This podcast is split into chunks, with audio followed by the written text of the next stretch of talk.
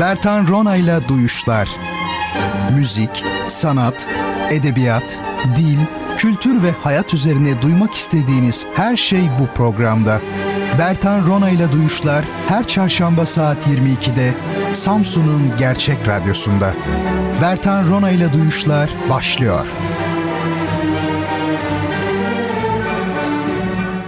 Efendim Bertan Rona ile Duyuşlar programından iyi geceler diliyorum. Sevgiler ve saygılar sunuyorum sizlere. Yine bir e, çarşamba gecesi e, Duyuşlar programıyla karşınızdayım. Bendeniz Bertan Rona efendim. Duyuşlar programını her hafta sizler için e, hazırlayıp sunuyorum. Ee, hazırlıyor muyum? Çok fazla hazırlamıyorum aslında yani. Yine de bir hazırlığı var, kırtasiyesi var belki ama e, doğallığında olmasını arzu ediyorum açıkçası her şeyin. E, bu programda genellikle biz müzik üzerinde dururuz. Resim, edebiyat, kültür tarihi, felsefe bazen ağırlıklı olarak felsefe üzerinde dururuz. Ama zaman zaman o ana kadar hiç ele almamış olduğumuz konular üzerinde durduğumuzda olur tabii. Ee, bu gece yine farklı konulara temas eden e, bir programla e, sizlerin karşınızda karşısında olmak istedim. E, nedir o farklı konular birbirinden farklı konular dilerseniz onu da program esnasında sırası geldikçe öğrenmiş olalım. E, Twitter'da ve Instagram'da Bertan Rona bendenizin e, hesabı. E, bu mecralardan beni takip ediniz. Bu gece bir kitap hediye edeceğiz her hafta olduğu gibi. E, bu kitabı e, almak için sizlere soracağım soruyu doğru olarak cevaplayan ilk kişi olmanız lazım. Bunu da Twitter üzerinden yapıyoruz. O bakımdan Twitter'da ve Instagram'da Bertan Rona hesabını bulun. Ee, taklidi var mı bilmiyorum yani. Daha o kadar tanımıyorum sonuçta benim taklitlerimden sakınınız falan diyecek kadar hani var resmi hesap bu benim falan. Bir şey söylesem hayatta inanmazsınız böyle bir komedi olamaz. Bir ara bir Bertan Rona diye bir hesap gördüm. Ondan sonra ee, ama benim değil yani kesinlikle benim değil. Aha dedim benim de taklitim çıkmış yani hani fake hesap. Sonradan e, böyle bir şey olabilir mi ya tam bir rezillik. O hesabı kendi benim açtığımı hatırladım yani. Ben açmıştım o hesabı çünkü niye açmıştım onu tam bilmiyorum ama herhalde hani yedek olarak dursun bulunsun. Bu çünkü benim bir hesabım hacklenmişti. Bu da giderse bunu kullanırım falan gibi. Benim bunu unutmuş olmam ve günler boyunca e, hafif de böyle şey e, ne derler övünerek ya benim de işte fake şeylerim var hesaplarım var filan demiş olmam muhteşemdi ve en sonunda o, o anı unutamıyorum yani aa bu bunu ben açmıştım filan diye hatırladığım an yani korkunçtu. Böyle. Şimdi neyse biz tabii konularımıza girelim. Bu aralar herkes hasta. Herhalde şu son cümle var ya bu aralar herkes hasta. İlk defa bir hani normal bir radyo programında söylenebilecek bir cümle oldu. Yani gerçek bir sohbet falan gibi. Çünkü sürekli ya felsefeden ya edebiyattan bahsediyoruz. Ee, bu aralar hakikaten herkes hasta. Efendime söyleyeyim hastanelerde millet e, kreşten üniversiteye kadar bütün öğrencilerin yani yarısı falan hasta. Böyle korkunç bir durum var. Ağrılar, sızılar artmış. Ve kimse farkında değil ama bütün bunların temelde bir sebebi var. Pek çok sebebi var da ben 21 Aralık hadisesinin çok belirleyici olduğunu düşünüyorum. Çünkü güneş yok pek kalmadı yani güneş bu aralar. Hele kuzeyde filan Karadeniz kıyısında yaşıyorsanız güneş hiç yok. Um, tabii güneş azalınca pek çok sorun ortaya çıkıyor. Özellikle de insanın e, psikolojik yapısını çok etkiliyor bu kondisyonun durumunu çok etkiliyor bu. 21 Aralık en uzun gece malum haliniz. Fakat 22, 23, 24 Aralık tarihlerinde günler uzamış olmuyor.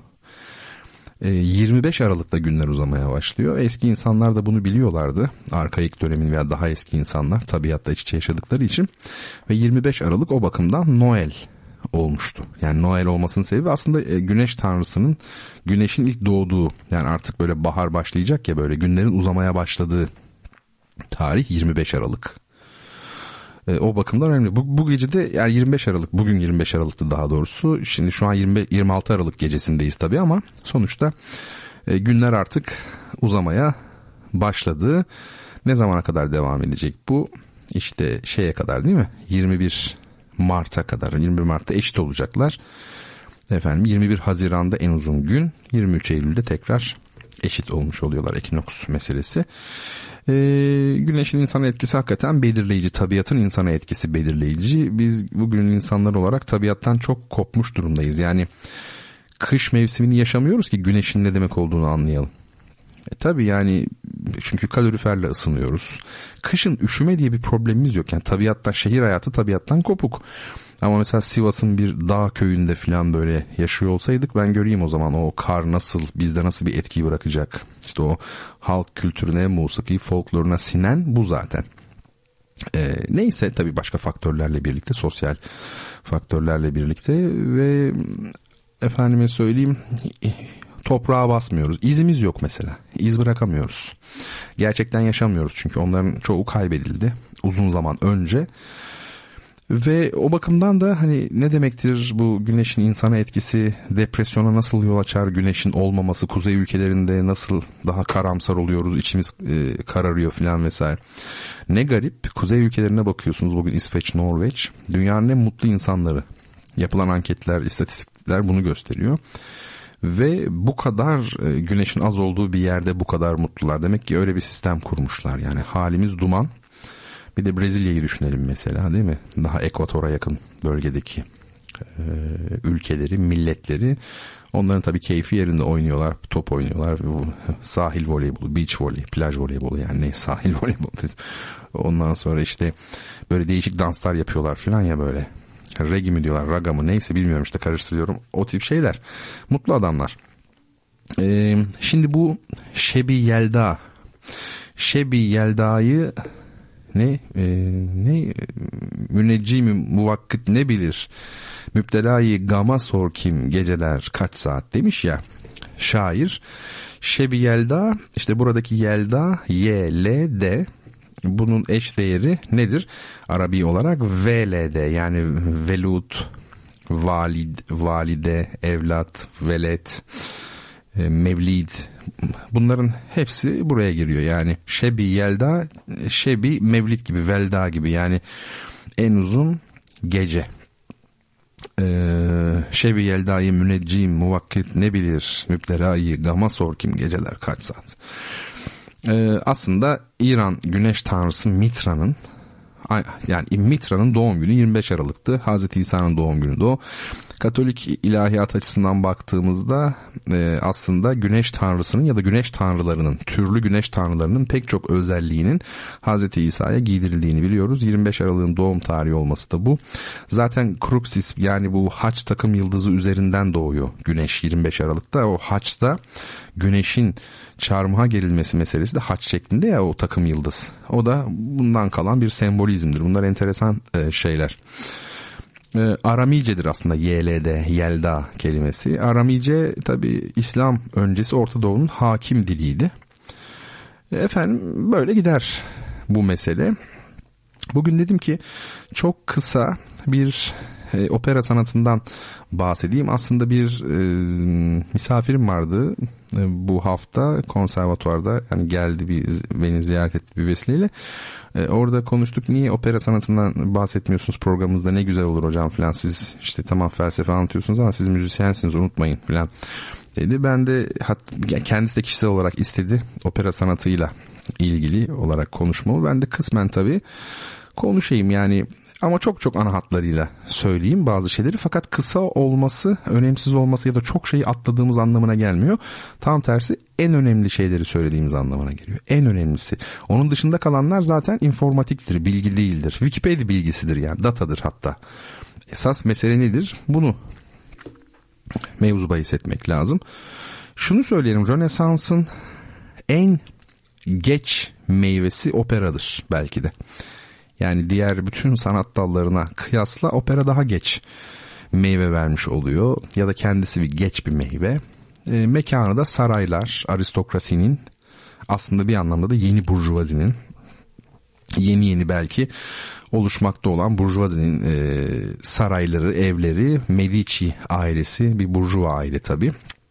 Ama bu burjuva aileler öyle ailelerdi ki Floransa'da, Venedik'te, Cenova'da hani var ya Ceneviz ordusu, Venedik ordusu donanması pardon diye konuşulur ya niye? O dönemler işte bu kentler öne geçmişti ve bu bölgelerde o kadar güçlü burjuvalar var ki yani mesela Medici ailesi dediğim gibi kraldan daha güçlüler aslında. Fiilen kral ama burjuva ailesi ee, ve onların köşklerinde, saraylarında, evlerinde e, ortaya çıkmış oluyor opera sanatı. E, şimdi operada neler var?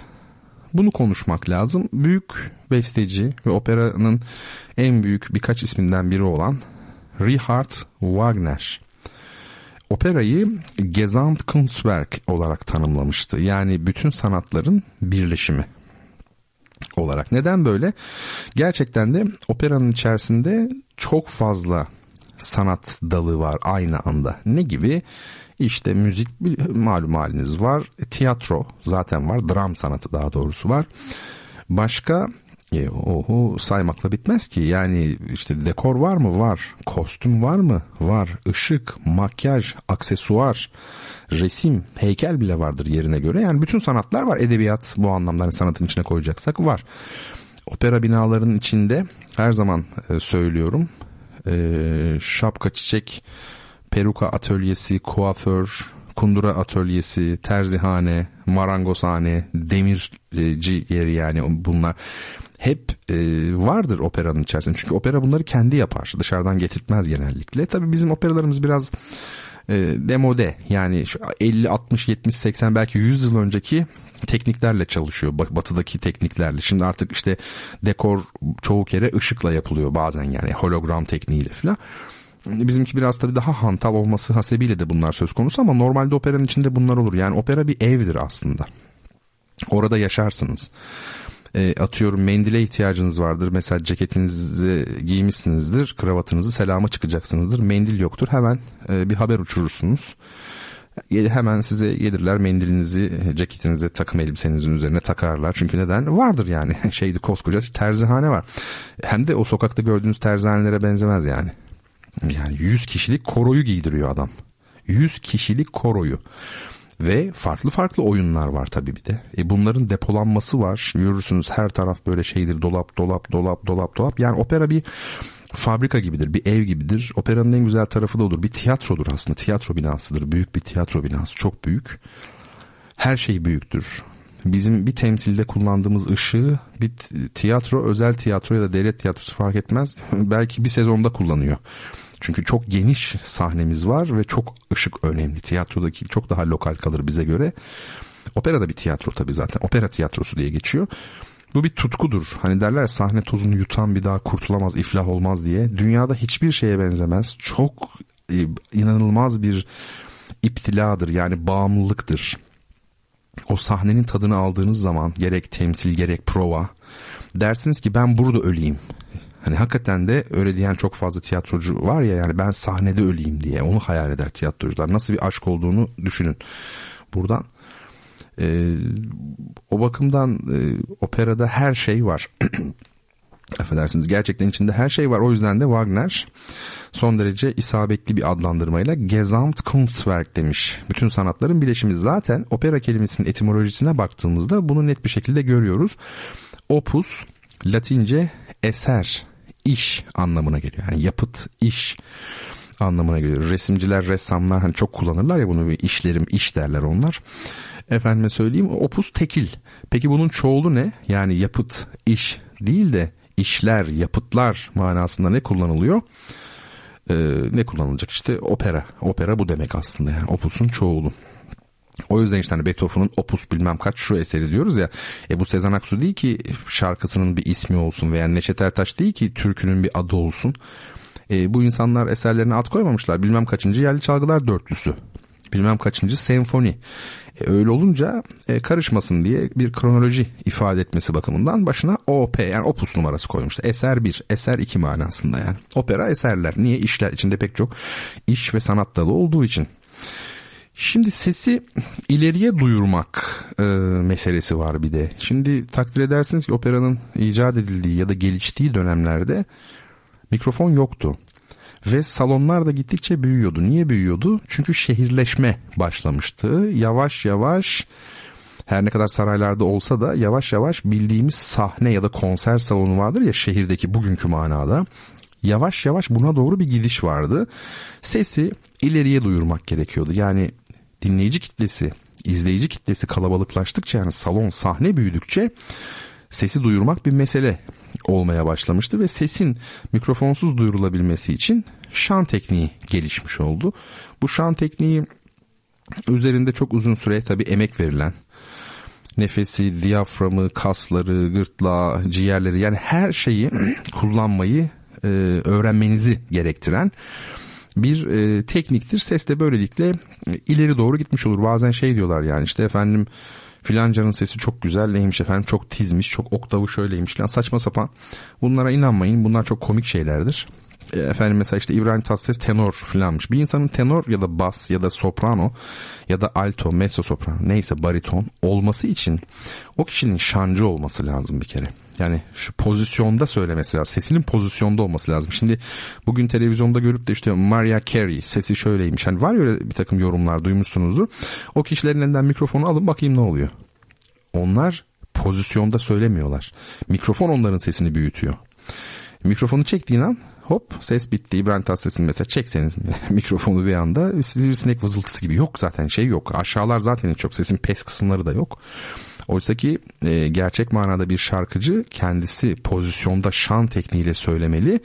Valla iyi bir tenor böyle bir spinto bir tenor şöyle bir si şöyle bir do'yu asıldığı zaman yani insanın kulağının zarını yırtar yani çok kötü olur. Mikrofonsuz olarak yani ses olur. E, mukayese dahi edilemez bunu söyleyelim. E, bu arada hani şunun sesi 8 oktavmış bunun sesi 6 oktavmış böyle bir saçmalık olmaz. Bunlara da inanmamak gerekir. Bir insanın sesi ortalama olarak 2 oktavdır. Ortalama bir buçuk hatta bir buçuk iki. E, bu opera şarkıcılarında iki buçuk civarıdır. iki buçuk anca. Yani iki buçuk oktav çok ciddi bir şey bazı eksepsiyonel örneklerde mesela Maria Callas gibi falan orada 3 oktava yaklaşır. Sesin 3 oktav 4 oktav falan olmasının hiçbir anlamı yok ki zaten. 4 oktav olsan olur 5 oktav olsan olur. İmkansız ama hani olsan olur çünkü kullanılmayacak ki.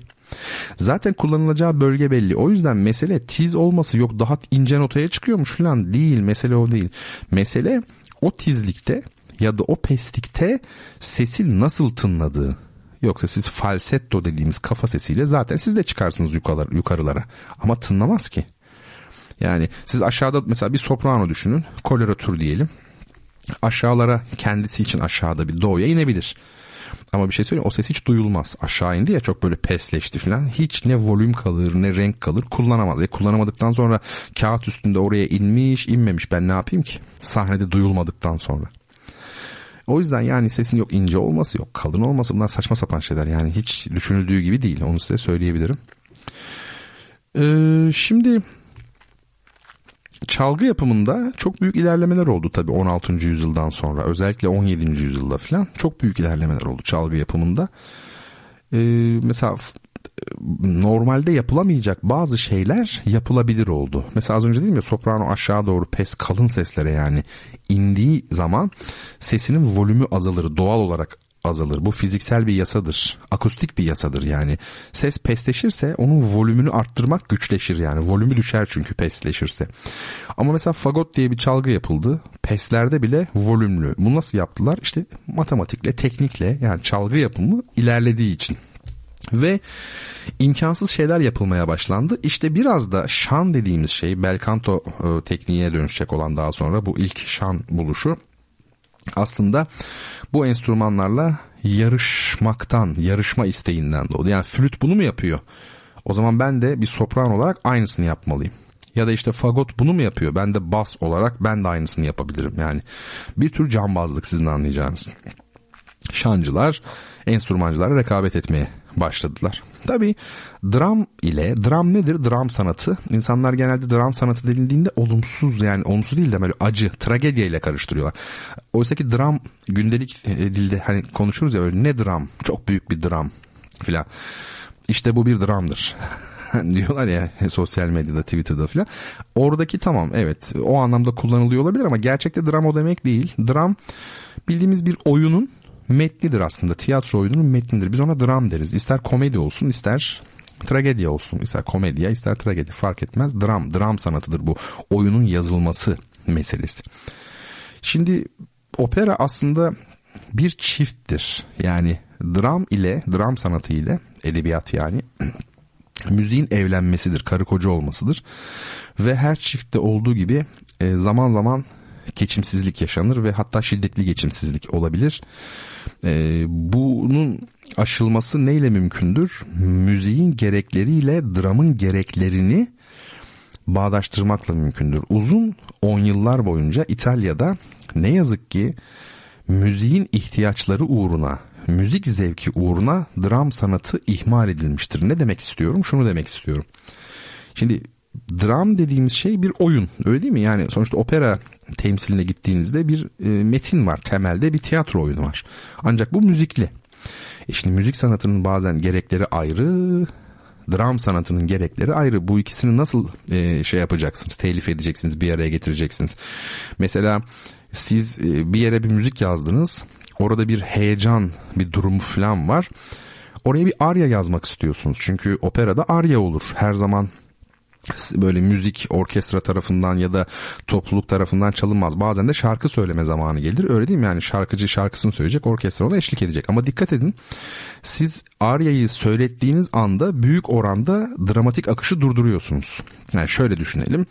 İşte Romeo ile Juliet birbirlerine aşıklar ve uzun zamandır görüşmemişler ve birbirlerini çok özlemiş durumdalar. Buluşacaklar, kavuşacaklar filan yani çok şiddetli bir vuslat ee, biz Romeo'nun da o aşamaya gelirken işte evden nasıl kaçtığını bilmem pencereden atladığını tamamen atıyorum bunları.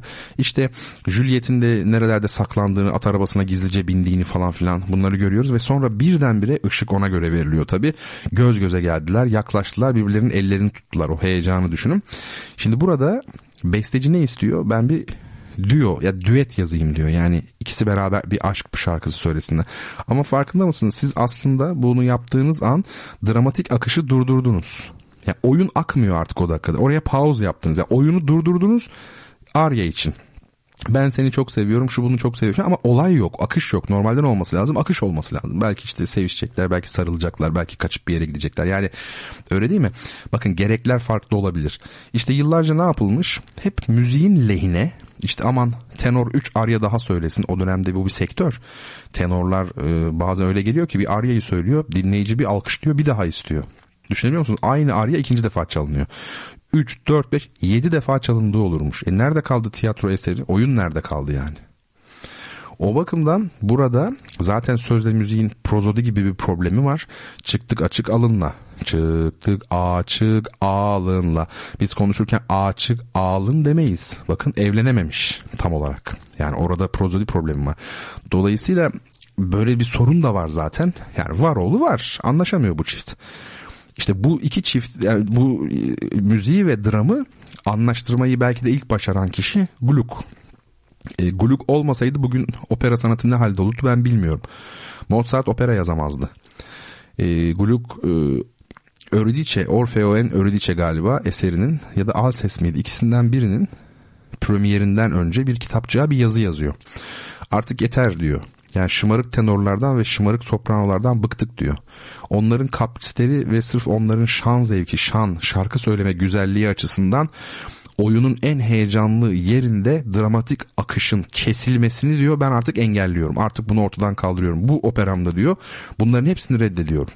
Bu operamda diyor müzik haddini bilecek tiyatro müziği olduğunu bilecek ve tiyatro e, yani dram e, oyunun metnine hiçbir saygısızlık etmeden dramatik akışı hiçbir şekilde bozmadan ikisi çok dengeli bir şekilde ilerleyecekler ki Wagner'in de düşüncesi budur. Temelde yani Wagner'de de bu ön plandadır. Ona tabii senfonizma var. Senfonik bir yapı da ön planda bir e, tür sinema sanatı gibi diyebiliriz.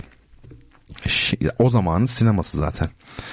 Efendime söyleyeyim tabi bravur yani bravura o gösterişli pasajlar var ya şu sopranonun yukarıda böyle çığlıklar ince sesler çıkardı falan filan. Ne yaptı? Dramı dram sanatını yedi. Gluck da buna karşı koydu. Günümüzde ise daha çok bir biz görselliğin önem kazandığını görüyoruz. Yani günümüz reji anlayışında artık e, daha doğrusu günümüz operasında reji ön plana geçti. Avrupa'da da bu böyle. Eskiden müzik yani şan ön plandaydı. Neden? Kayıt teknolojisi yoktu. Yani insanlar o tenorun sesini dinlemeye gidiyordu. O tenorun si bemolü, si bekarı nasıl acaba? Bunu görmeye gidiyordu. E ama şimdi önce CD'ler, plaklar, Pavarotti'nin, Monaco'nun hepsinin kayıtları, Maria Callas'ın filan artı hele bugün artık YouTube, YouTube falan şu bu korkunç bir noktaya gelmiş durumda. E şimdi insanlar o sesi duymak için çok gitmek istemiyor. Daha çok prodüksiyonu görmek istiyor. Yani dekoru rejisör nasıl yaptırmış? Işık nasıl, oyunculuklar nasıl, daha ziyade sahneyi görmek istiyor. O bakımdan günümüz operasında son 10 yıllarda rejinin e, müzik departmanına, müzik fakültesine karşılık e, birim olarak müzik fakültesi diyorum yani müzik birimine karşılık öne geçtiğini söyleyebiliriz. Başka ne diyebilirim? Ee, İtalyanca operaya hocam çok uygun bir dil mi deniyor? Bu bana sorulan sorulardan bir tanesi. Evet İtalyanca çok uygun bir dil. Hatta en uygun dil İtalyancadır opera için diyebiliriz. Bunun sebebi tabii öncelikle vokal fazlalığı. Yani İtalyanca içinde çok fazla vokal yani sesli harf barındıran bir dil. Ee, ne ilgisi var e, diye düşünecek olursanız şöyle diyelim. Mesela B ile şarkı söyleyemezsiniz. B olmadı yani. V filan. Yani sessizlerle çok zor. Bazı sessizlerle söylersiniz. Mesela M ile yapabilirsiniz ama genelde sessizlerle çok zor. Mesela Rusça düşünsenize böyle sesler çıkacak. BRJ filan sürekli. Yani o zor. Ee, peki A ile söylenir mi? Oo çok güzel olur. Yani A, I, E, O bunlar bakın tam şarkı söylenecek sesler. A, I falan hani yaparlar ya. Şimdi bu güzel İtalyanca'da bu var. Ama sadece bu değil. Bir de şöyle bir hadise söz konusu. Bu vokallerin nereden çıktığı da çok önemli. Mahreç var ya çıkış yeri. Mahreç hariç olduğu çıktığı yer. Mesela bizde Ankara dediğimiz zaman Ankara Şimdi ben bunda bu hani benim şu anki söyleyişim kaba bir söyleyiş değil. Ankara. İyi akşamlar. Dün akşam Ankara'daydım. Hani böyle kibar böyle çok güzel değil mi? Telaffuzunuza dikkat ederek falan diksiyonunuza konuşabilirsiniz. Ankara. Ama aslında bakın şimdi Ankara derken A'yı keseceğim diğer kısmını A'yı bırakacağım sadece. Bakın nasıl oluyor. Ankara diyorum ya bakın şimdi A. A. Ankara. A. Aslında çok geride. A. Gırtlakta yani. Oysa İtalyan ne diyor mesela? Aroma, arrivederci, aroma, a, a. Yani önde bir vokalden bahsediyoruz. Yani A ama nasıl bir A? Dolayısıyla bu faktörler birleştiği zaman tabii İtalyanca çok uygun oluyor. Bana bazı böyle söyleşilerde böyle workshop gibi birkaç yerde sorulmuştu. Hani şey bu Türkçe uygun mu diye.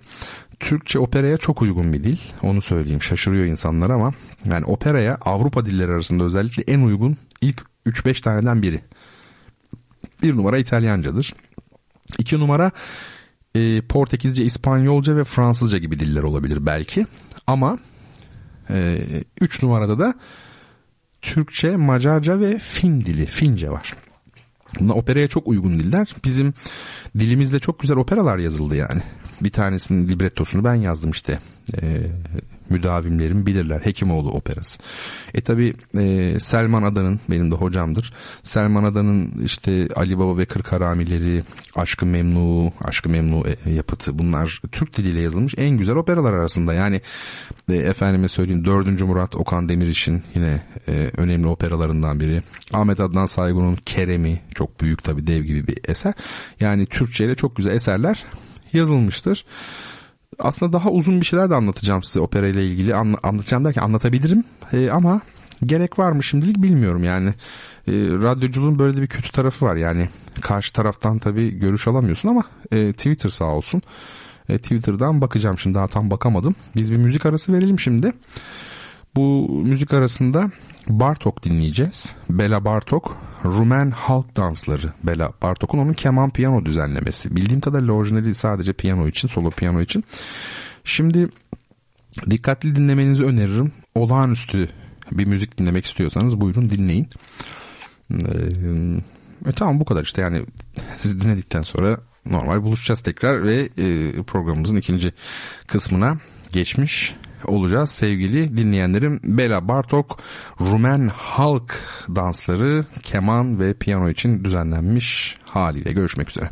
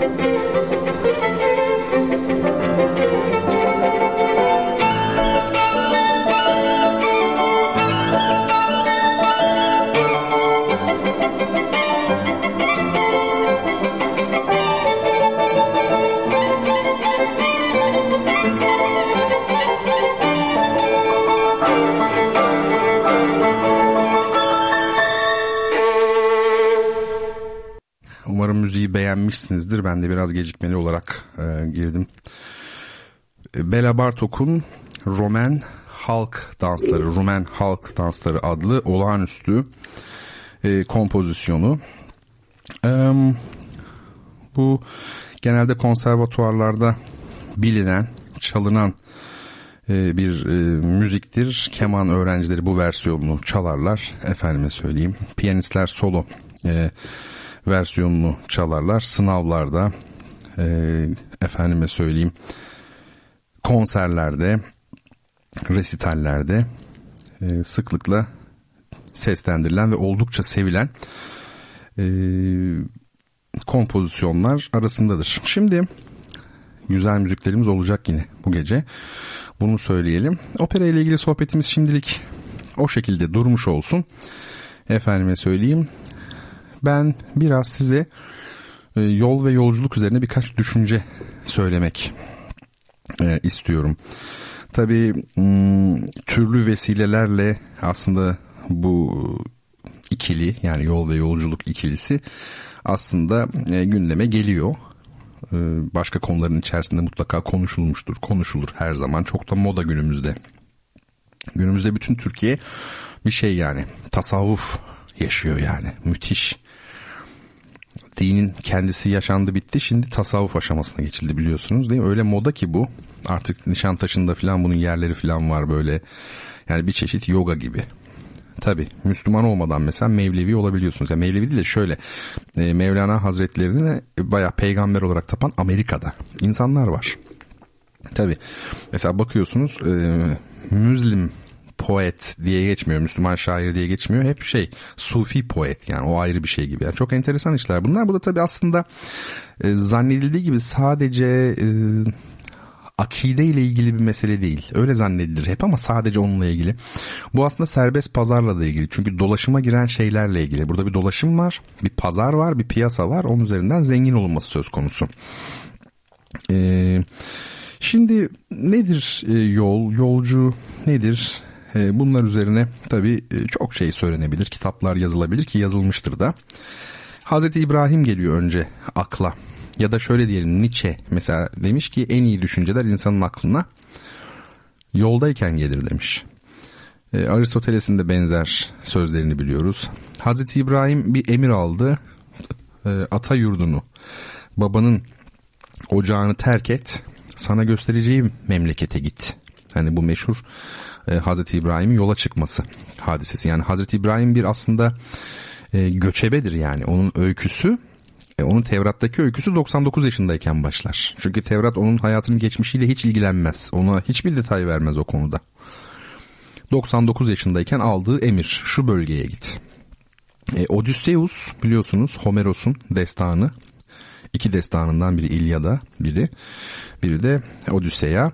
E, Odysseus da şeyde bütün ömrü Troya Savaşı'ndan sonra memleketine e, gitmek çabası İtaka kralı biliyorsunuz ve memleketine gidemiyor. 20 yıl boyunca e, okyanuslarda daha doğrusu Akdeniz'de denizlerde kalıyor. Kalipso'nun adasına düşüyor falan. Zar zor eşinin yanına gidebiliyor 20 yılın sonunda. Ve tabi Herodot. Herodot dünyanın belki de ilk e, turisti öyle söyleyelim. Öyle kabul edilebilir. Tarih yazan biri. Eskiden tarih nasıl yazılıyordu? Gezerek yazılıyordu. Çünkü sözlü kültür var, yazılı kültür embriyon aşamasında. Bir yerin tarihini öğrenmek için, onunla ilgili konuşmak için ancak oraya gitmeniz gerekir. E, dolayısıyla oraya e, seyahat edeceksiniz. Bu bir macera, bu bir risk aslında. Ve history kelimesi, İngilizce history kelimesinin aslında iki anlamı var. Historia, story. Hem öykü, macera hem de tarih. İşte bu anlamda baktığımızda insanlığın tarihi bir aslında maceradır insanlığın tarihsel serüveni deriz ya her zaman. Bir de e, efendim o dönemde tarih serüvenlere çıkılarak ancak yazılabiliyor idi. E, bunu da unutmayalım. E, böyle olunca anlarız. E, Buda'ya baktığımızda Hazreti Buda diyecektim. E, öyle dilime geldi. Hazreti Buda diyebiliriz. Niye demeyelim yani çünkü Hazret demek o bir şeydir. Tazim aslında değil mi? Onu bir yüceltmedir yani. E, Buda'nın bu arada peygamber olduğu yönünde ulema arasında görüşler de vardır. Tin suresinde o incir ağacı geçer ya incir daha doğrusu. İncirin Buda'yı ifade ettiğini yazanlar olmuştur İslam uleması arasında. Mesela öyle değil mi? E, zeytine efendim e, Tur Dağı'na o emin beldeye ve incire hani yemin olsun ki burada zeytin Hazreti İsa'nın işte zeytin dağındaki vaazı. Tur Dağı Hazreti Musa, Emin Belde Medine Hazreti Peygamber olmuş oluyor. Bu incir peki neyin nesi diye düşünülmüş. E, Buda'nın biz incir ağacının altındayken e, Bodhi'ye ulaştığını biliyoruz. Biliyorsunuz body aydınlanma demek. Bu da aydınlanmış bizdeki münevver gibi yani. İncir ağacının altında olmuş oluyor. Neyse Buda'nın öyküsü de çok ilginçtir. O da bir yolculukla başlıyor. Bu da aslında bir prens. Siddhartha gerçek ismi. Bir prens ve 18 yaşındayken işte eşi var ve çocuğu oluyor. Daha kendisi 18 o, dönem öyle zaten. Çocuğu oluyor ama o gece düşünebiliyor musunuz yani karısını çok seviyor. Çocuğu olmuş ve kendisi bir prens. Babası kral. E, tahta da geçecek muhtemelen ama o o gece ilginç bir şekilde hem eşini hem de çocuğunu terk ederek bir yolculuğa çıkıyor. Bir arayış bu tabii. Yani Buda'nın hikayesi de bir yolculuktur. Hayatı boyunca da gezgin olmuş. Ee, şimdi Muhiddin Arabi Hazretleri Muhiddin İbni Arabi şöyle demiş bakın sözün ilginçliğine bakın. Bil ki Allah insanları yarattığından, onları teklifle mükellef kıldığından ve onları Adem'den vücuda yani yokluktan varlığa çıkardığından beri insanlar yolcu olma özelliklerini hiç bırakmamışlardır. Çünkü tekamül bir yolculuk olmuş oluyor burada o kastediliyor e, büyük oranda. Bu Muhittin Arabi'nin bir şeyi, e, sözü. Ben şöyle yazmıştım bir zamanlar. Yolun ne kadar olursa olsun ancak kendin kadar gidersin. Çünkü gittiğin yol değil aslında sensin. Yol değildir çünkü yolları bitirmeniz mümkün değil. E, o zaman nedir mesele? Bitiremiyorsak bir sonsuzlukla karşı karşıyaysak o zaman mesele biziz demek. Çünkü yol bitmiyor. Sonsuz bir yapımın karşısında e, bulunan her varlığın meselesi kendiyle olur. Çünkü yol sonsuz, yol bitmiyor. O zaman senin performansın, senin gidişin hani bu ön planda demek. Demek ki amaç da bu. Şöyle düşünelim mesela burada güzel bir örnek verelim. Dere akıyor. Mesela bir hadis vardır. Hadisin birkaç versiyonu var bu hadisin. Hani dere kenarında bile olsanız abdest alırken suyu boşa harcamayın. Bu şekilde de söyleniyor.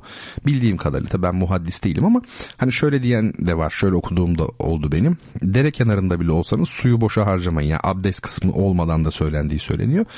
Şimdi burada deredeki suyu bir insan nasıl boşa harcayabilir? Zaten akıyor. Yani sürekli olarak akıyor değil mi deredeki su?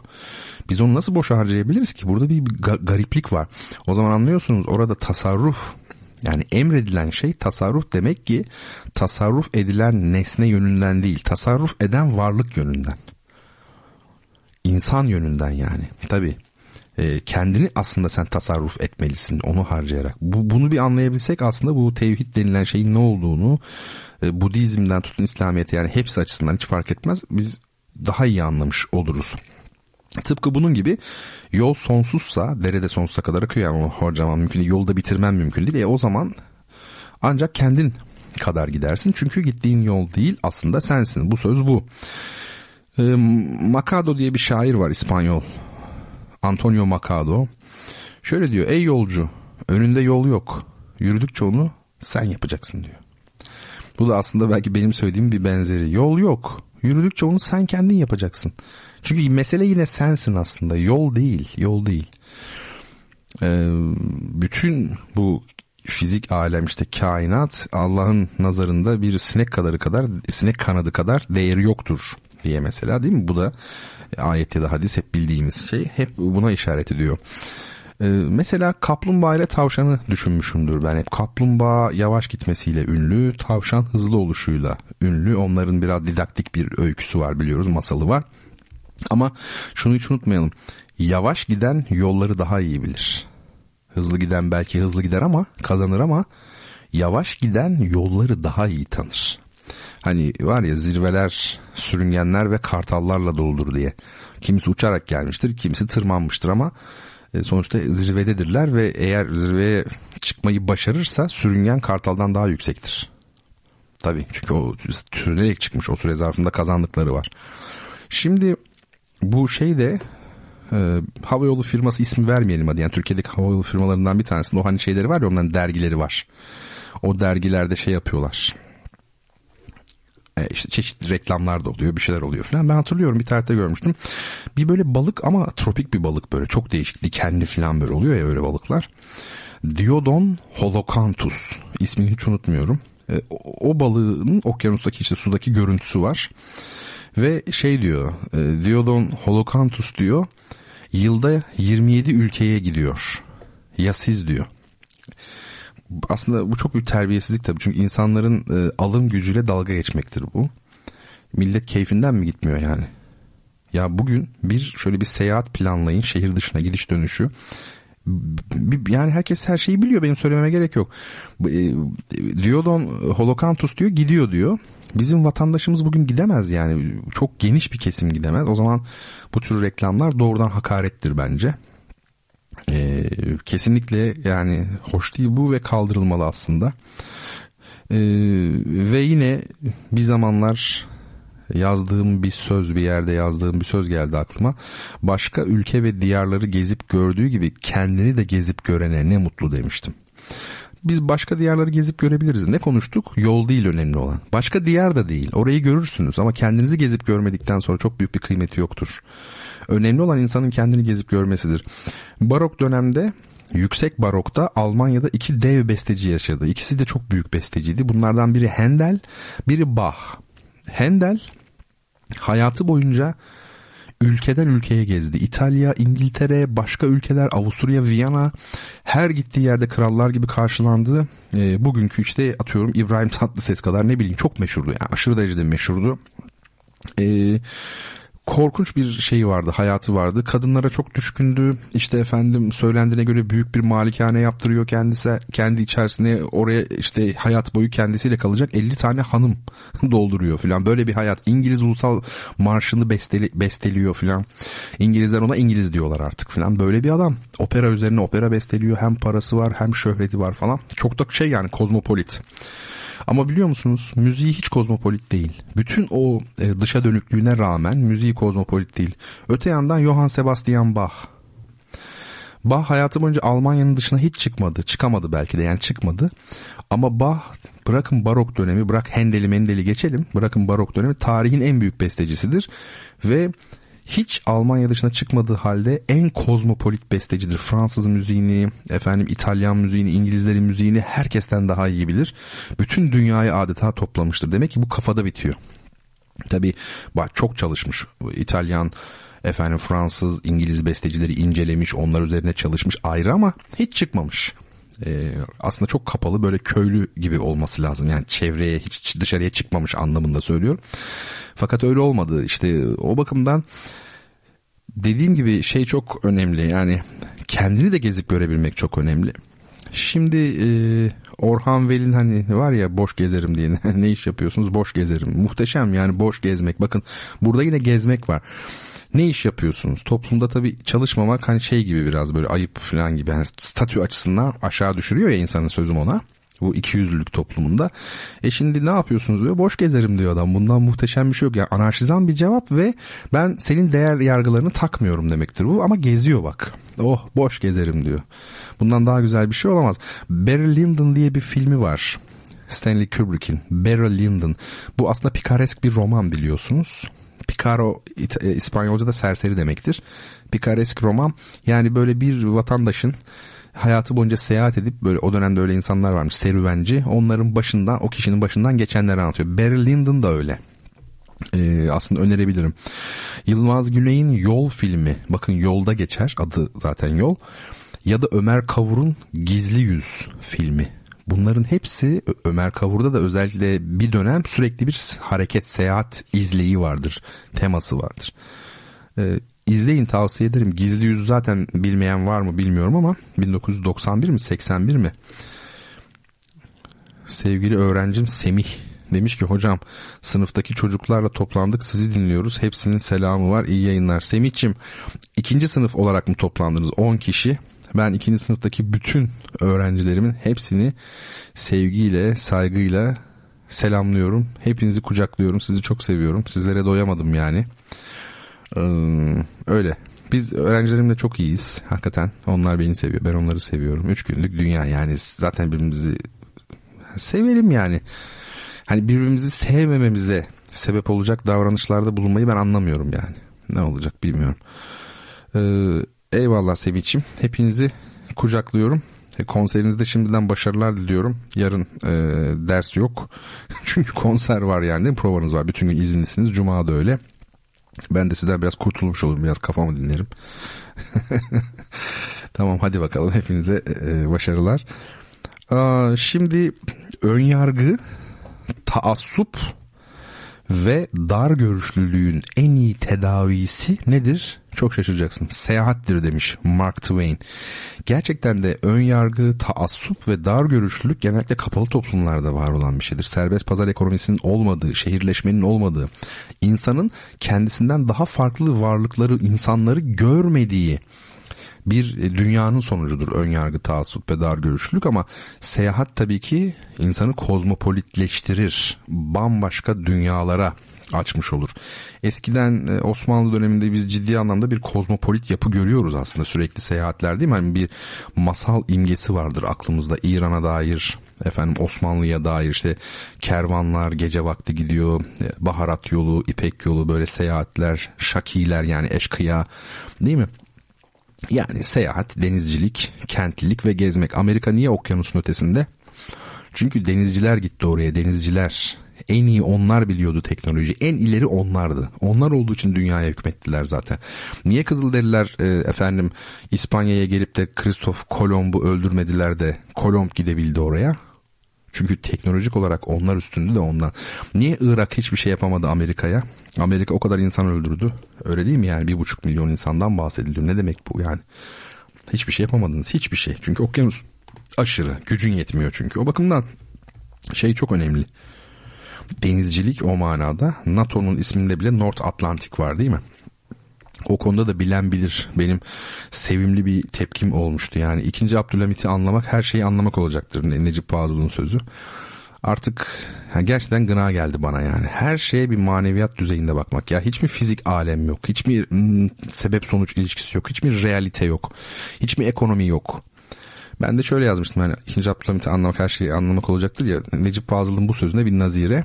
Atlas Okyanusu'nu anlamak her şeyi anlamak olacaktır. Çünkü dünyanın ticaret ekseninin e, ticari şeyden İpek yolundan baharat yolundan Atlas Okyanusu'na Ku- Kuzey Atlas'a kayması 15. yüzyıldan itibaren. Niye dünyanın en ileri devletleri Portekiz'di sonra İspanya oldu sonra İngiltere oldu. Ne özelliği var bunların? Atlas Okyanusu'na kıyısı vardı bu ülkelerin. Ben şimdi bir opera librettosu yazıyorum Cumhurbaşkanlığı'nın sipariş ettiği. Mimar Sinan'ın hayatını inşallah opera yapacağız. Şimdi orada mesela ben çalışırken gördüm. Şeyin işte Maktul İbrahim Paşa'nın bir zamanlar Makbul İbrahim Paşa'yken sonra Maktul oluyor. Onun mesela bulunduğu işte Barbaros Hayrettin'in Hızır Reis'in falan bulundu. Sokollu Mehmet'in ya bunlar hepsi aynı dönemde bulunmadılar ama hani bu tür e, şey Ebu Suud Efendi'nin Mimar Sinan baş mimar A olarak onun büyük böyle insanların olduğu ortamda padişahın huzurunda kavgaya varacak derecede yani seslerini yükseltecek kadar ki padişahın olduğu yerde bu olamaz yani. E, konu ne biliyor musunuz? Amerika'ya gidilmeli mi gidilmemeli mi? Sokollu Mehmet Paşa gidilmemeli diyor. Zaten diyor ekonomik durumumuz çok kuvvetli değil diyor. Biz Akdeniz'i sağlamlaştıralım. Ama mesela e, Kaptanı Derya Kabudan ne diyor? Gidilmelidir diyor. Gelecek orada diyor mesela bakın. Onların o zaman tartıştığı konulardan bugün bizim haberimiz yok. 500 yıl sonra.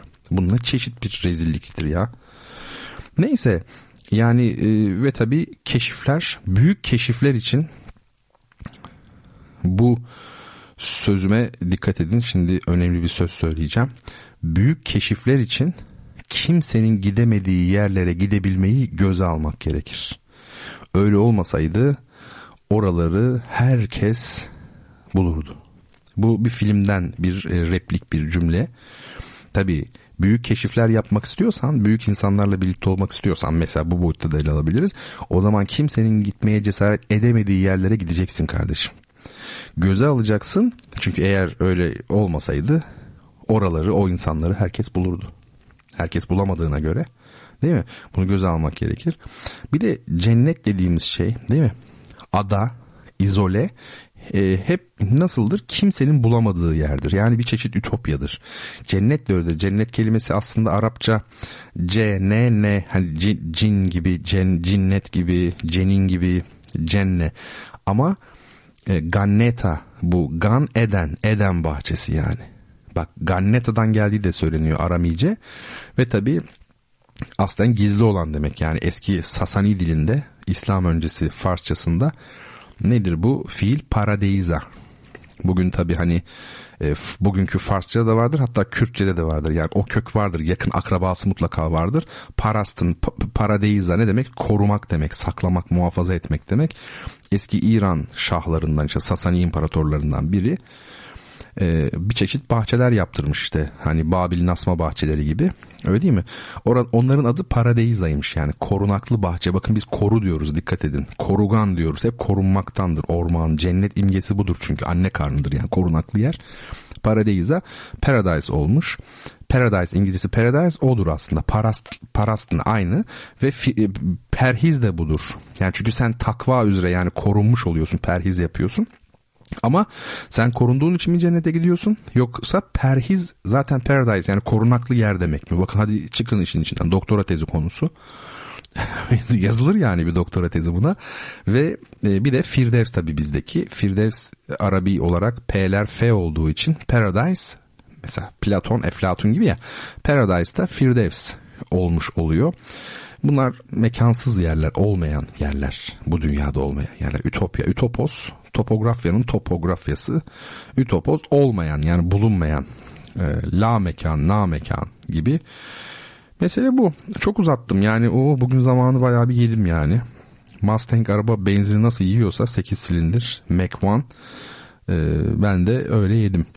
Hadi Bach dedik. Johann Sebastian Bach'ın flüt sonatından si minör meşhur flüt sonatından ikinci bölümü dinleyelim. Largo e dolce. Yani ne demek bu? İtalyanca e eşittir bizdeki v. Yani largo, large var ya large, largo. Yani geniş, tempoyu geniş alır. Yani ağır tempoda ve dolce, tatlı. Flüt Emmanuel Payu e, harpsichord yani bu klavsen dediğimiz cembalo dediğimiz çalgıda Trevor Pinnock çalıyor. Johann Sebastian Bach'ın Si minör flüt sonatının ikinci bölümünü dinleyelim. Ondan sonra da şu kitap hediyemize falan gelelim artık. Zamanı bayağı bir yedim çünkü ben. Evet efendim müzik arasından sonra birlikteyiz.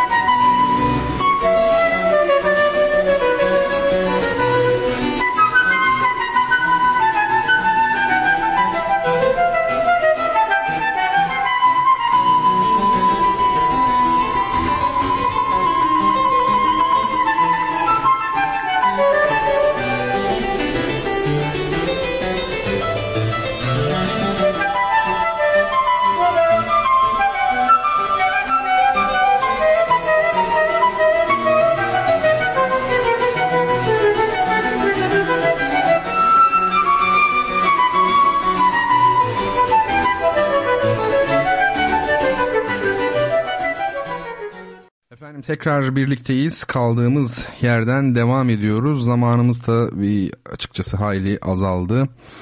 Ee, bakalım bu kısa zaman dilimi içerisinde neler yapabileceğiz.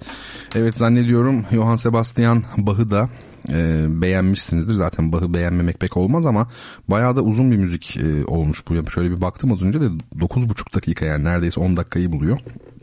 Herhalde bu da e, benim bu radyo programında çaldığım uzun müzikler e, arasına girdi diyebiliriz. Değil mi? Genelde radyo programlarında ise hiç yok zaten. Eğer senfonik bir şey değilse, program değilse. Evet şimdi kitabımızı hediye edelim artık ya şu kitabı. Değil mi? Ee, size hediye edeceğim kitap bu gece Hulki Aktunç'un toplu öykülerinin birinci bandı. Birinci cildi. Ee, onu hediye edeceğiz ama sorumuzu şöyle bir soralım önce size. Ben bu programın ilk bölümünde, başlangıcında ilk bölümde mi, ikinci bölümünde mi e, yoldan söz ettim, yolculuktan söz ettim ve bunlardan söz ederken çok büyük bir mutasavvıfın, mutasavvıfın adını zikrettim. Meşayihın büyüklerinden çok büyük biri. Onun bir sözünü e, söyledim. Ne diyordu? Bil ki Allah insanları yarattığından, onları teklifle mükellef kıldığından ve onları Adem'den vücuda yani yokluktan varoluşa çıkardığından beri insanlar yolcu olma özelliklerini hiç bırakmamışlardır. E, bu sözü kimin söylediğini belirttim ben bu program içerisinde. Sorum o. Yani kimdir bu büyük e, veli? E, 1165'te Endülüs'te doğduğunu, 1240'ta Şam'da vefat ettiğini biliyoruz. Yani 3 aşağı 5 yukarı. Konya'da kaldığını, evliyanın büyüklerinden olduğunu, işte tasavvufta fetih sahibi denilen bir e, zat olduğunu, Sadrettin Konevi'nin hocası ve e, üvey babası artık neredeyse adını söyleyeceğim yani olduğunu efendim e, söyleyeyim. Bunları da siz ipucu olarak değerlendirin. E, bu gece ben böyle sarhoş gibiyim.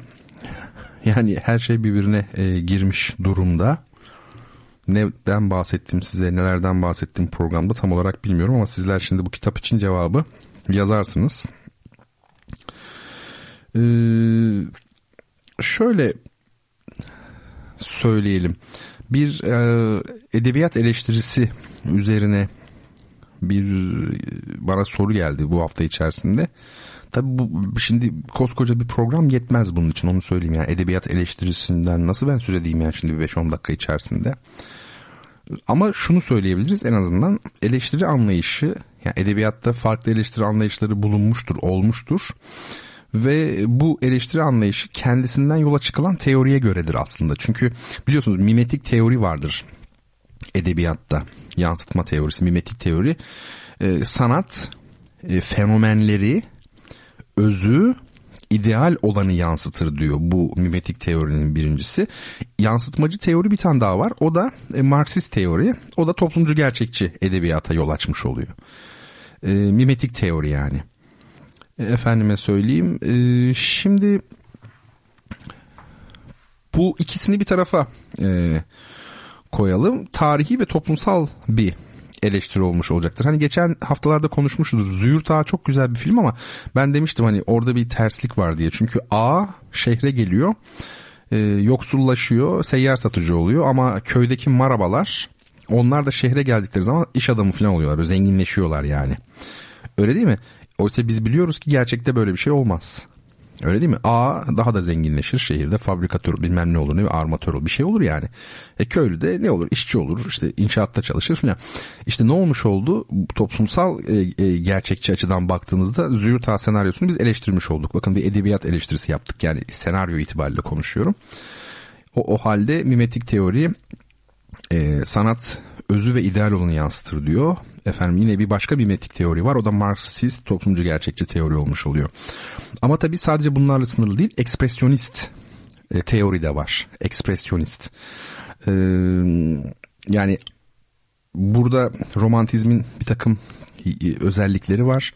Bireysellik var. Dışa vurum kavramı var. Ben şimdi bunları açamıyorum ne yazık ki. Öyle bir zamanım kalmadı. E, psikanalitik eleştiri var. Şu an aklıma öyle geliyor. E, formalist teori var. Yapısalcılık girer bunun içine Derrida gider, girer bunlardan uzun uzun yine konuşmak gerekir. Ama bir de daha yapısalcı yani şöyle yapıtı temel alan öyle diyelim.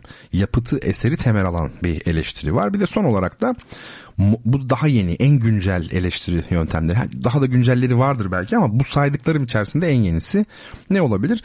Ee, modern bir özne olarak kentli modern bir özne olarak okuru kendi merkezine alan eleştiri var. Yani okuru temel alan. Eleştiriyi okur üzerinden deneyen yaklaşım bu olan bir teori var. Ee, okura yönelik eleştiri olmuş oluyor bu da işte. Efendim kendi içinde feminist eleştiri var, izlenimci eleştiri var. Ee, var oğlu var yani. Geniş bir zamanda konuşalım. Ben şimdi çok böyle aşırı derecede dedim ki yüzeysel bahsetmeyeyim. E kapsamlı da ele alamam. Şimdi sıkışmaz bu. Nasıl yapalım? E o zaman en azından hani bildiğim böyle madde madde edebiyat eleştirisindeki ana akımlar nelerdi? En azından adlarını bir telaffuz etmiş olalım. Daha şeyini de içeriğinde konuşmuş oluruz. Johann Sebastian Bach'ın az önce dinlediğim şey yani bu flüt eseri harpsikortla beraber ah hocam kanun gibi falan diyorlar bazen sesi o diğer çalgı var e zaten harpsikort bir çeşit kanundur yani şöyle piyano gibi e, sesin tokmakla elde edildiği bir çalgı değildir biliyorsunuz piyanoda siz tuşa bastığınız zaman bir tokmak tele vuruyor ve ses üretilmiş oluyor. Ama orada darbe var yani to, e, şey tokmak tele çarpıyor. Oysa ki klavsende aynı kanundaki gibi mızrapla hani parmaklarıyla çekiyorlar ya böyle. E, onun gibi altta mızraplama mekanizması var. O yüzden klavsen piyanonun atası değildir. Atası zannedilir ama farklı bir e, gelenekten yani teknik yapıdan geliyor aslında. E, şimdi soruya sorduğum soruya cevaplar Fatih Çelik Muhittin İbn Arabi demiş. Kübra Hanım Muhittin İbn el Arabi demiş e, ve Şiz. E, Şiz de ilginçtir. Şit değil mi yani Şiz? O Tevrat'taki ismi de çok değişiktir. O, o da Muhittin İbn Arabi demiş. Tabii ki üçü de doğru.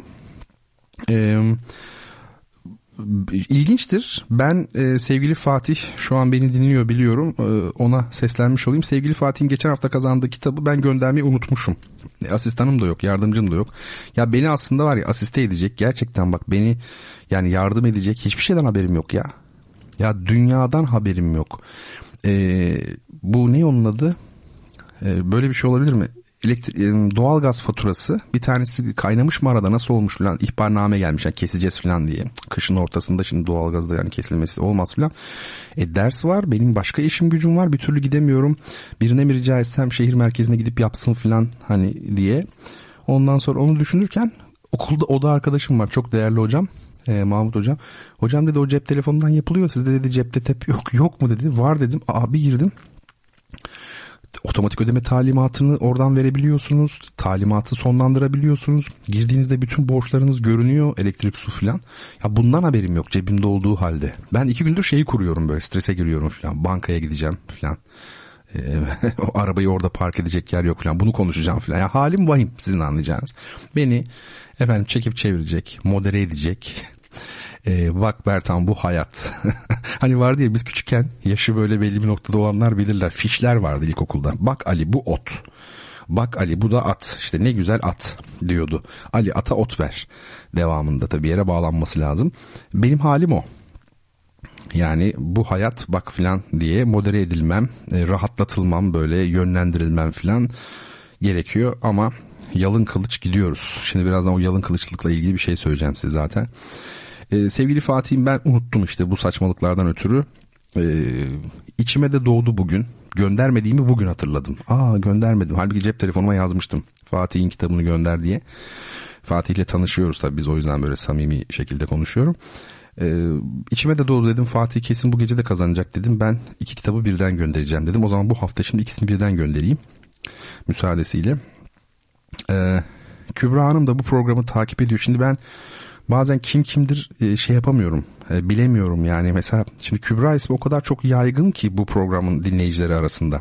O kadar çok Kübra'ya ben kitap gönderdim filan yazışmalar mesajlaşmalar oldu filan. O yüzden e, beni affedin ne olursunuz yoksa öyle yani kaba değilim kaba birisi değilim bu konuda. Kübra'm da bugün benim tweetimi ya retweetledi ben bir yerden gördüm. Ha dedim o dinleyecek. O zaman ben de bu kitaptan bir tane kendisine göndereyim hediye edeyim öyle içime içimden geldi yani hani öyle derler ya. Bir tane de kendisine e, bizim ikramımız olsun. Yakında bir tane bizim şeyimiz geliyor. sponsorumuz bizim kitaplarımıza sponsor olacak. Sevgili yönetmenime buradan sesleniyorum. Ee, gelsin artık sponsorumuz. Yani sponsorumuz gelsin. Kitap sayısını arttıralım yani. Her e, akşam dört kitap verelim. İyi olur tabii yani. Ee, daha evvel de bizi sponsor eden dostlar oldu sağ olsunlar. Onlara tabii teşekkür borçluyum. Ee, ne olursa olsun her zaman e, dile getiririm yani. Bu önemli bir şeydir. Efendim bu e, flüt az önce duyduğunuz flüt tahta nefesliler adı verilen bir e, çalgı grubunda yer alıyor. Yani ne demek bu? E, tahta nefes. Ha bu arada Fatih Bey'in bende şeyi var. Tabii ki adresi var, telefonu var ama Kübra Hanım'ın var mı acaba? Daha belki kitap gönderdik mi? Lütfedip eğer ya özel mesaj olarak ya da efendime söyleyeyim e, şeyle mail falan olarak e, Ha, bir de şu mesele var. Yani gönderirseniz Kübra Hanım çok çok iyi olur. Telefon numaranız, adresiniz ben ona göre hemen size göndereyim. Ee, bir dinleyicim demiş ki merhabalar hocam güzel tweetlerinizi özledik umarım bir şeyiniz yoktur. Bu bu aralar geldi bana birkaç tane daha. Hani hakikaten de ben yazmıyorum galiba değil mi uzun zamandır bir aydır falan yazmıyorum. İnanın onun da farkında değilim çok fazla. Yani ya Twitter şey gibi geliyor bana çok antipatik geliyor biliyor musunuz? Şey hani nasıl anlatayım? Böyle çok fazla önemseyenler var ya. Yani şey yazanlar var 100 bininci takipçim oldu herkese teşekkürler falan. Ya değil 100 bin isterse 100 milyon olsun nedir ya? Hani bu ben çok bu kadar bağımlılık yapıyor mu ya? Bilmiyorum. Yazmazsan da yazmazsın içinden gelmez. Yani bir aydır içimden gelmedi. Yoğundum da gerçi ama onunla da ilgili yani. Akşam istersen yazarsın. Yok yani yarın ne yapacağımı da bilmiyorum. Bir ay sonra ne yapacağımı da bilmiyorum. Belki bir daha hiç yazmayacağım hayat boyu. Bu kadar yani.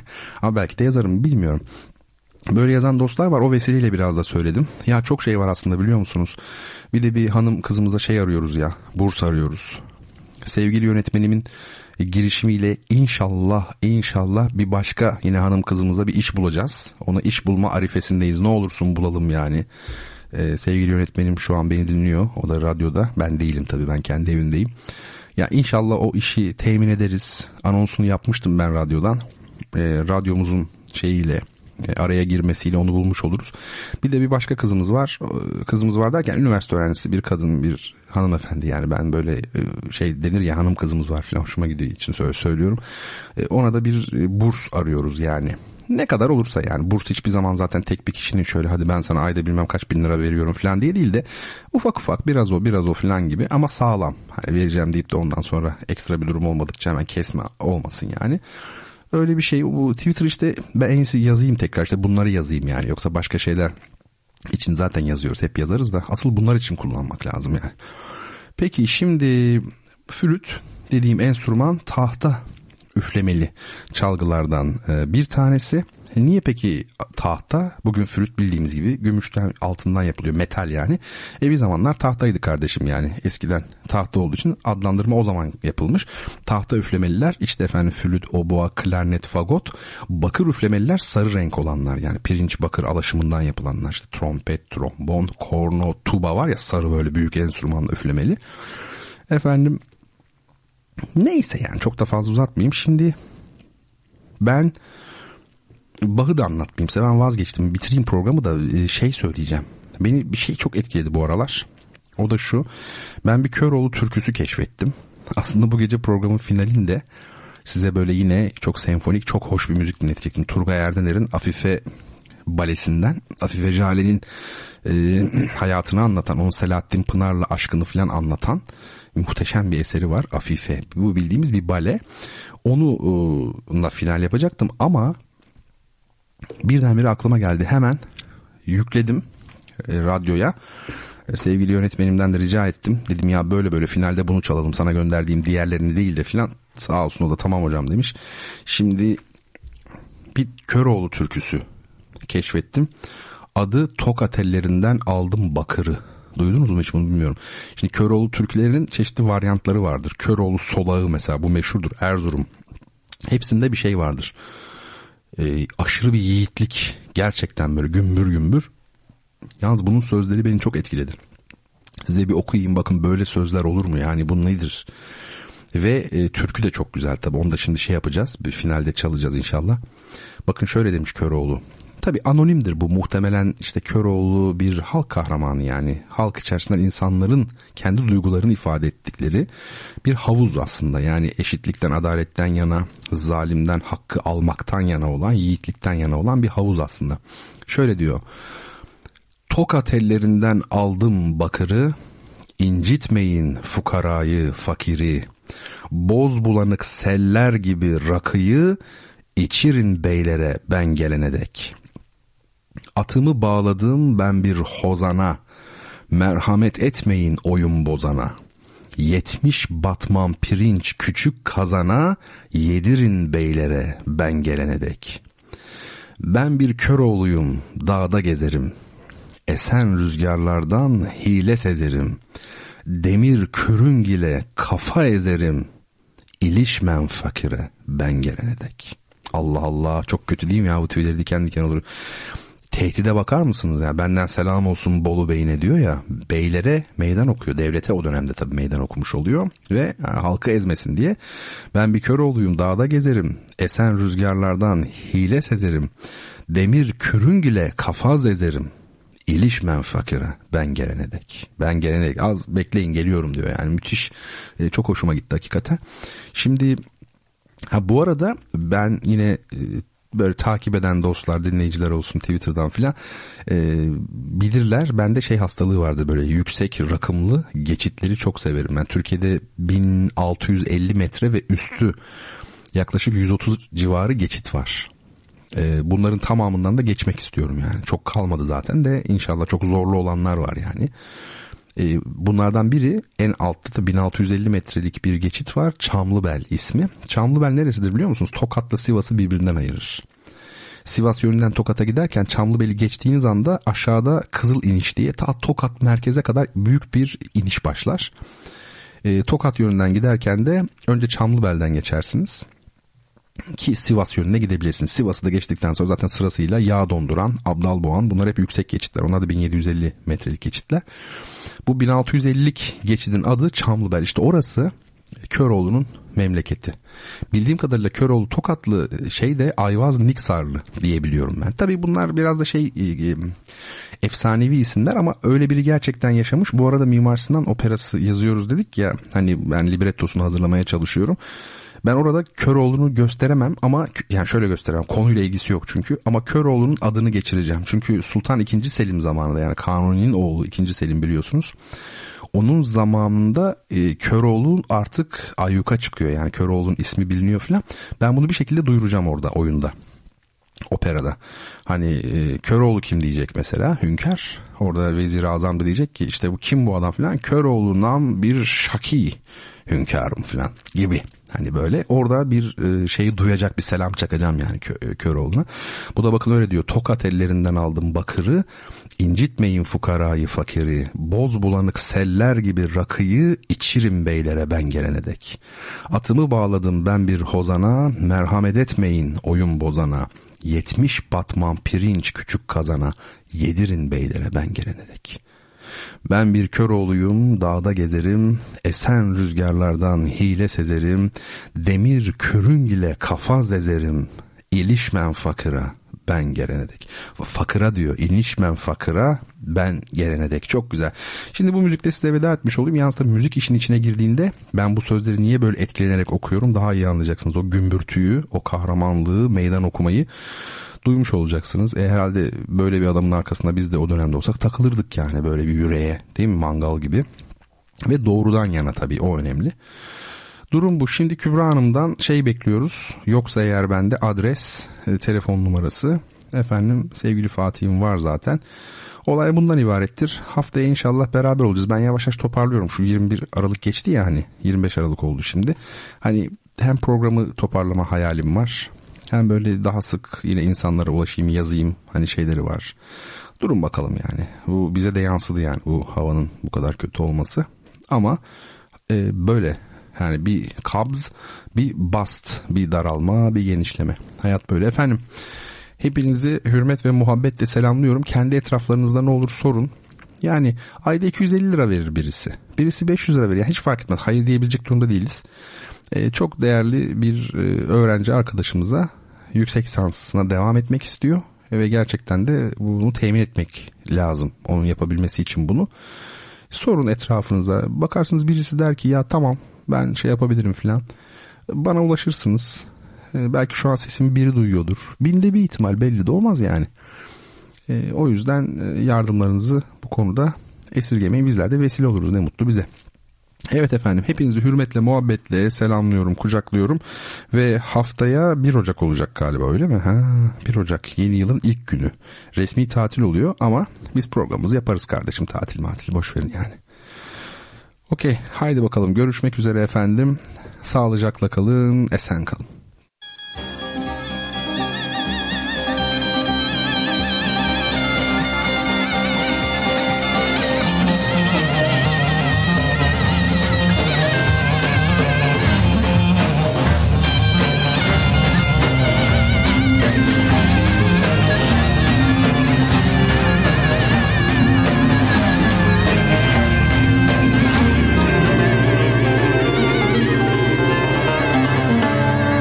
Tokat ellerinden aldım bakırı Aldım bakırı. İncitmeyin fukarayı fakırı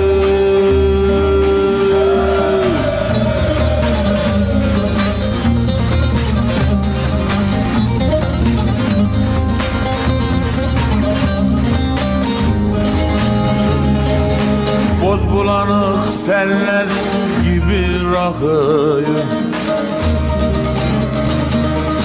İçirin beylere ben gelene dek Ben gelene dek. Boz bulanık seller gibi rakıyı İçirin beylere ben gelene dek Ben gelene dek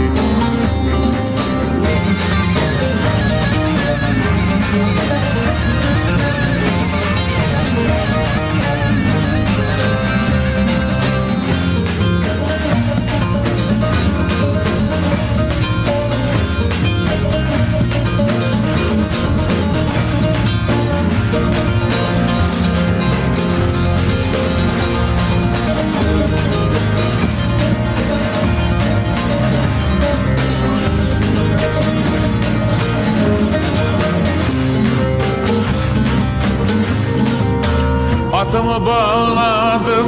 Ben bir kozana Ben bir kozana Merhamet etmeyin oyun bozana.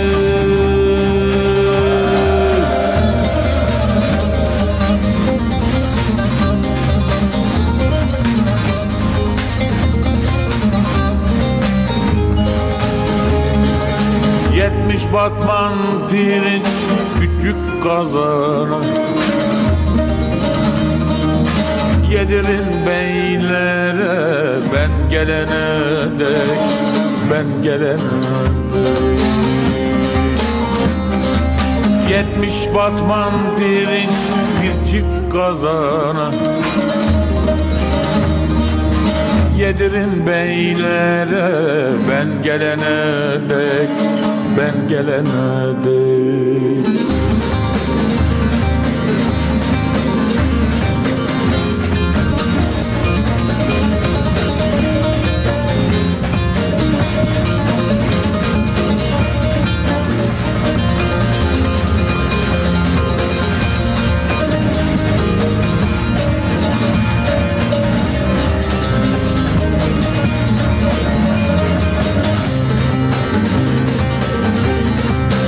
bir kör oğluyum Dağda gezerim Dağda gezerim Esen yerlerinden Bile sezerim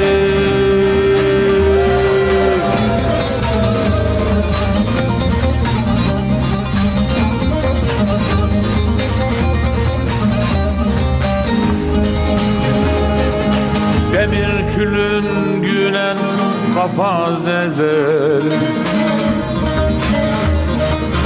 İlişmen fakire ben gelene dek Ben gelene dek. Demir külün gülen kafa zezer. İlişmen fakire ben gelene dek Ben gelene dek